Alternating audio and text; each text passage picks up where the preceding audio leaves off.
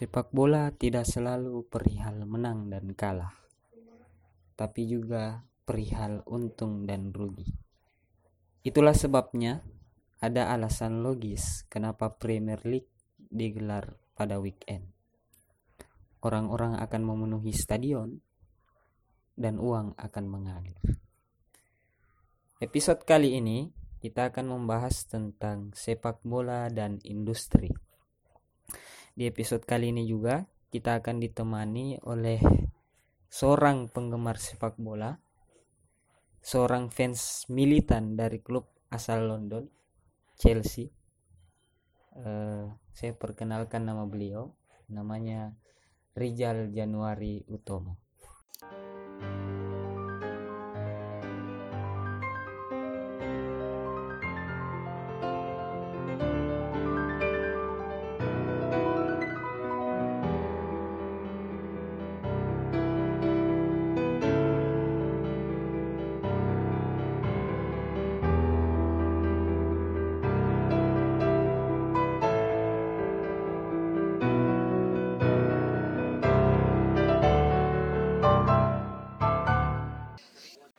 Secara umum, ada dua jenis penonton sepak bola. Yang pertama adalah mereka yang menganggap bahwa sepak bola hanyalah sebatas olahraga yang berada di lapangan dan dimainkan dalam jangka waktu 90 menit. Jadi bagi mereka adalah sepak bola itu sebatas uh, di dalam pertandingan saja. Kemudian yang kedua itu adalah orang-orang yang menganggap bahwa sepak bola itu tidak hanya sebatas pertandingan saja. Mereka menganggap bahwa sepak bola itu telah dimulai bahkan sebelum kick off pertandingan dibunyikan dan belum berakhir dan tidak akan pernah berakhir. Walaupun e, peluit tanda berakhir pertandingan juga sudah dibunyikan. Bagi orang-orang yang menganggap bahwa sepak bola melebihi dari sekedar pertandingan sepak bola itu bisa disebut sebagai produk kebudayaan yang dihasilkan oleh manusia dan sebagaimana produk kebudayaan pada umumnya uh, ia ia bisa dibahas dari berbagai aspek. Pada kesempatan kali ini saya ingin membahas sepak bola dari segi industri atau dari bagaimana industri sepak bola itu bekerja. Sebagai olahraga yang paling digemari di dunia, sepak bola tentu saja memiliki masa yang sangat besar kita tahu bahwa penggemar-penggemar sepak bola itu bisa tersebar dari seluruh penjuru dunia dan memiliki jumlah yang tidak sedikit tentu saja, sangat-sangat besar. Nah, dari publik sepak bola yang begitu besar seperti ini, bagi industri itu merupakan sebuah lahan yang sangat subur untuk meraih pendapatan dari sumber masa sepak bola yang sangat besar seperti itu. Maksud saya adalah kita sebagai penggemar sepak bola karena saya juga adalah penggemar sepak bola dan uh, memiliki klub yang didukung menjadi fans klub tersebut mungkin dalam sepanjang umur kita itu kita telah mengorbankan banyak hal atau kita telah mengeluarkan banyak hal untuk klub yang kita dukung. Misalnya mengorbankan waktu untuk menonton pertandingan baik itu di TV ataupun datang langsung ke stadion. Kemudian mengorbankan uang untuk membeli jersey atau membeli tiket pertandingan. Dan bahkan sampai kepada titik kita rela untuk bertengkar dengan teman kita atau orang lain ketika kita menganggap bahwa tim yang kita dukung itu dikalah secara tidak adil. Seperti itu. Tapi eh, teman-teman pernahkah kalian atau kita berpikir sebenarnya bagaimana sih mereka para klub sepak bola itu memandang kita. Nah, kita tadi sudah melihat bahwa bagaimana kita memandang klub sepak bola ya, yang kita dukung itu nyaris seperti pujaan. Kita mengeluarkan uh, hampir semua hal yang kita bisa untuk mendukung dia. Tapi bagaimana mereka, para klub sepak bola memandang kita? Bagaimana jika saya bilang bahwa mereka melihat kita para fans fanatik ini itu hanyalah sebatas angka-angka grafik yang tidak signifikan jadi di sebuah kantor misalnya di Manchester atau di London kita ini hanyalah sebatas statistik di papan tulis yang dikelompokkan dalam peta di salah satu negara di Asia Tenggara. Nah, bagaimana jika saya mengatakan hal yang seperti itu? Mungkin ada beberapa orang yang menganggap itu berlebihan atau menyakitkan, tapi pada kenyataannya memang seperti itulah industri sepak bola ini bekerja. Dan sebagaimana industri, ya kita ini penonton dan fans itu adalah konsumen yang senantiasa menghabiskan banyak hal dan gembira tentu saja atas nama kecintaan kita terhadap klub sepak bola yang kita dukung. Dan mereka eh, orang-orang di dalam atau petinggi-petinggi klub yang kita dukung di nan jauh di sana misalnya di Eropa dengan senang hati mengeksploitasi kecintaan kita. Tapi pada kesempatan kali ini saya tidak ingin membahas atau saya tidak akan membahas industri sepak bola hari ini. Saya tidak ingin saya tidak bermaksud untuk membahas industri sepak bola yang berputar hari ini. Tapi saya ingin mengajak teman-teman untuk mundur ke belakang dan melihat sebenarnya dari mana ini semua bermula. Mengapa bisa uh, sepak bola yang dulunya hanya sebatas permainan rakyat, permainan buruh, permainan para tentara di perang dunia, itu bisa menjelma menjadi sebuah industri raksasa yang bisa menghasilkan miliaran dolar. Nah, teman-teman, berbicara tentang industri sepak bola, kita tentu tidak bisa melepaskan liga yang disebut-sebut sebagai liga yang paling maju dari sisi industri, Liga Inggris. Liga Inggris atau yang kita kenal sebagai English Premier League uh, tidak dilakukan lagi tentu saja telah menjadi peletak dasar atau bahkan pada hari ini itu telah menjadi kiblat sepak bola industri. Jadi setiap negara yang ingin membangun sepak bolanya, memajukan sepak bolanya dari si industri, uh, mau tidak mau dia harus melihat Liga Inggris sebagai contoh yang paling ideal.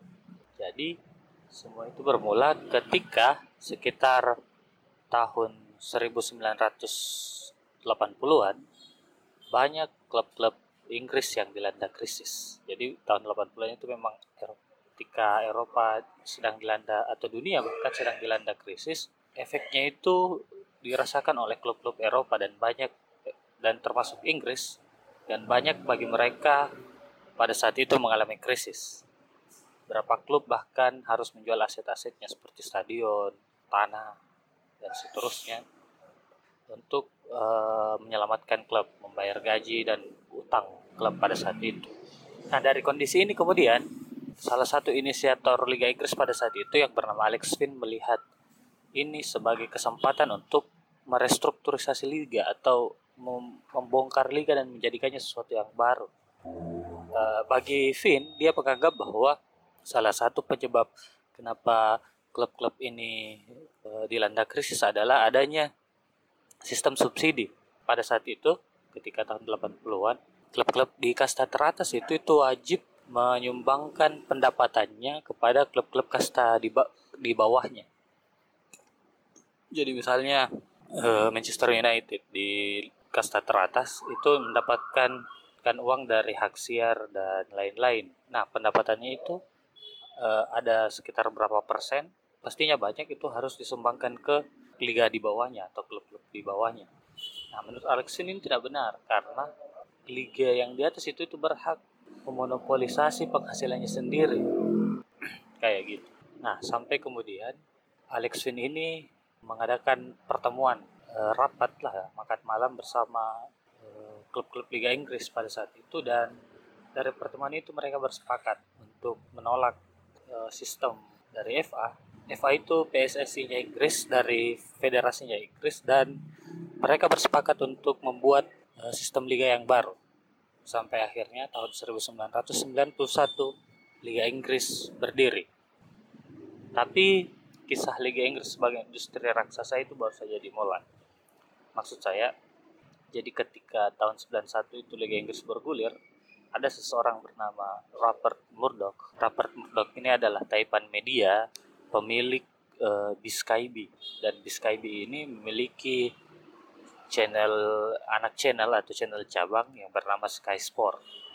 Nah, Rupert Murdoch ini melihat bahwa restrukturisasi liga yang dilakukan oleh klub-klub Liga Inggris merupakan sebuah peluang yang sangat besar untuk penetrasi ke dalam. Walhasil, uh, setelah lobby-lobby panjang, akhirnya Rupert Murdoch dan Sky Sports ya berhasil uh, menjadi pemilik penuh hak siar mayoritas klub-klub Liga Inggris pada saat itu. Jadi terus apa istimewanya dari situ? Jadi seperti ini. Sebelum Liga Inggris, maksud saya sebelum IPL atau English English Premier League berdiri, orang-orang Inggris itu bisa menonton bola seperti kita menonton Liga Indonesia. Jadi misalnya kita itu bisa menonton Liga Indonesia dari TV tanpa hanya dengan menggunakan antena biasa, tanpa mengeluarkan bayaran lebih. Kita hanya tinggal memutar channel RCTI misalnya kalau RCTI yang mendapat hak siar kita tinggal nonton RCTI dan bisa menonton Liga uh, Indonesia nah sebelum Liga Inggris atau English Premier League berdiri IPL berdiri orang-orang Inggris juga bisa menikmati Liga Inggris atau bisa menonton sepak bola itu dengan cara seperti itu hanya dengan antena biasa. Tapi setelah diakuisisi oleh Sky Sports sistemnya kemudian diubah oleh Rupert Murdoch. Jadi orang-orang yang ingin menonton liga atau menonton pertandingan sepak bola eh, diharuskan untuk membayar iuran lebih untuk bisa menonton sepak bola atau menonton pertandingan. Mirip seperti ya kayak kayak sistem TV kabel, kayak kayak TV berlangganan hari inilah. Pada waktu itu tahun 80-an lah. Eh tahun 90-an lah. Kita bisa membayangkan bahwa pada waktu itu TV berbayar masih merupakan barang mewah bagi orang-orang Inggris, apalagi kita. Tapi uh, itu kemudian sudah bisa diperhitungkan oleh Rupert Murdoch.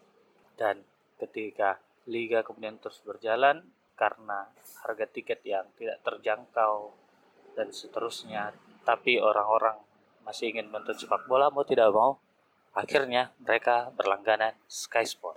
Tapi salah satu yang membuat mengapa banyak orang yang pada saat itu berlangganan TV berlangganan TV Sky Sports yang dimiliki oleh Rupert Murdoch itu bukan hanya karena paksaan mereka atau keterpaksaan mereka.